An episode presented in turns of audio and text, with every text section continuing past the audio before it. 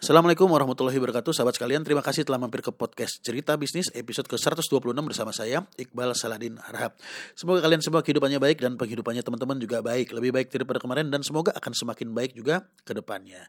Dan teman-teman podcast ini disupport oleh bantubisnismu.com atau BBDC Lohjinawi.id serta Quantum Sinergi Umat. Di mana di podcast ini kita akan membahas tentang banyak hal terutama mengenai bisnis, manajerial dan keuangan. Dibahas dari sudut pandang saya pribadi sebagai seorang praktisi bisnis dan pelaku investasi sejak tahun 2006 ya. Harapannya agar teman-teman pendengar yang mungkin ada keinginan untuk menjadi entrepreneur atau bagi teman-teman yang sudah menjadi entrepreneur barangkali aja kalian bisa mendapatkan insight yang berbeda ya. So, kalau misalnya teman-teman sudah mendengarkan podcast ini dan misal ada yang ingin didiskusikan, monggo langsung kontak nomor WhatsApp yang sengaja saya cantumkan di deskripsi di podcast ini. Gitu ya. Oke, sebelum kita masuk ke sesi cerbis kali ini, Pertama-tama saya juga ingin minta maaf ya kepada teman-teman karena satu bulan kemarin tuh saya vakum gitu ya untuk mengisi podcast ini dikarenakan ya memang ada uh, sesuatu dan hal yang sangat urgent yang perlu saya kerjakan gitu loh. Sehingga uh, saya ngerasa bahwa saya harus fokus gitu loh untuk menyelesaikan hal ini dulu supaya nanti ke depannya langkah saya lebih ringan lagi ya. Dan ya alhamdulillah sekarang uh, sudah mulai terurai permasalahannya dan sudah mulai bisa saya tata sehingga bisa saya delegasikan sedikit demi sedikit sehingga pekerjaan saya lebih ringan dan sekarang saya bisa punya lebih banyak waktu lagi untuk uh, melakukan berbagai hal. Salah satunya adalah dengan kembali mengisi podcast cerbis ini. Gitu teman-teman sekalian. Ya jadi sekali lagi saya mohon maaf karena satu bulan kemarin vakum. Oke langsung kita masuk ke sesi cerbis kali ini banyak teman-teman pendengar podcast Cerbis ini ya yang menanyakan kepada saya tentang bagaimana sih caranya agar bisnis saya bisa menjadi besar dan menjadi lebih besar lagi. Dan hal ini juga sepertinya sudah pernah saya jawab ya beberapa kali dalam podcast Cerbis ini ya bahwa bisnis itu harus ada uang masuk dan berbisnis itu juga harus jangka panjang, jangan short term, jangan jangka pendek, ya harus jangka panjang. Nah pertanyaannya adalah bagaimana caranya uang bisa masuk ke bisnis kita? Nah, di sini artinya bisnis kita itu harus ada pembelinya gitu loh, harus ada konsumennya. Nah, bagaimana caranya agar orang mau membeli produk kita? Nah, di sini artinya kita sebagai pemilik bisnis ya harus bisa memenuhi kebutuhan dari orang tersebut.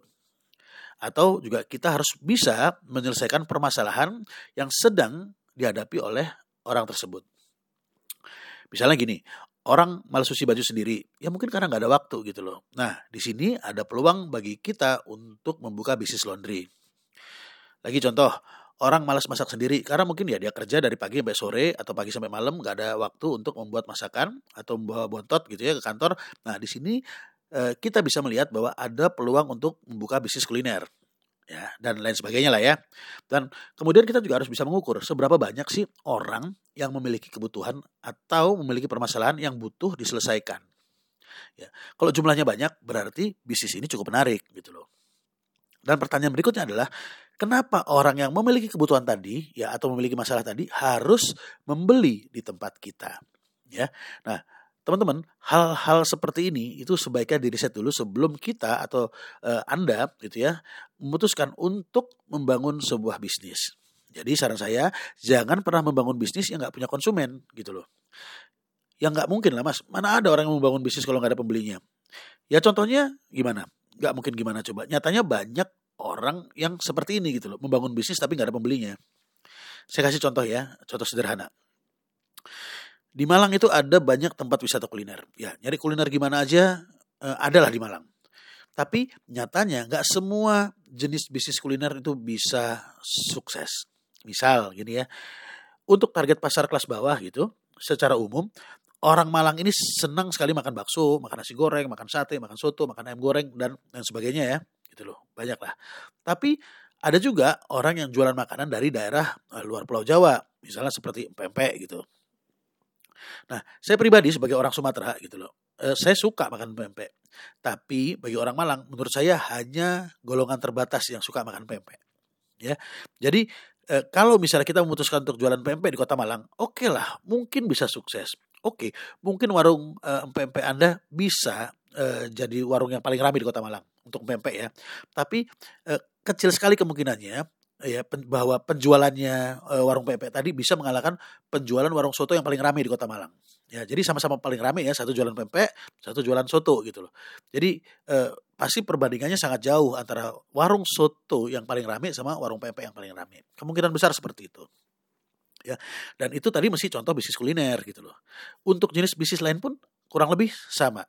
Jadi banyak orang menjalankan bisnis tertentu karena memang dia suka gitu loh. Tapi dia lupa melihat bahwa uh, ada nggak orang yang merasa butuh uh, tentang uh, produk atau jasa yang saya jual gitu loh.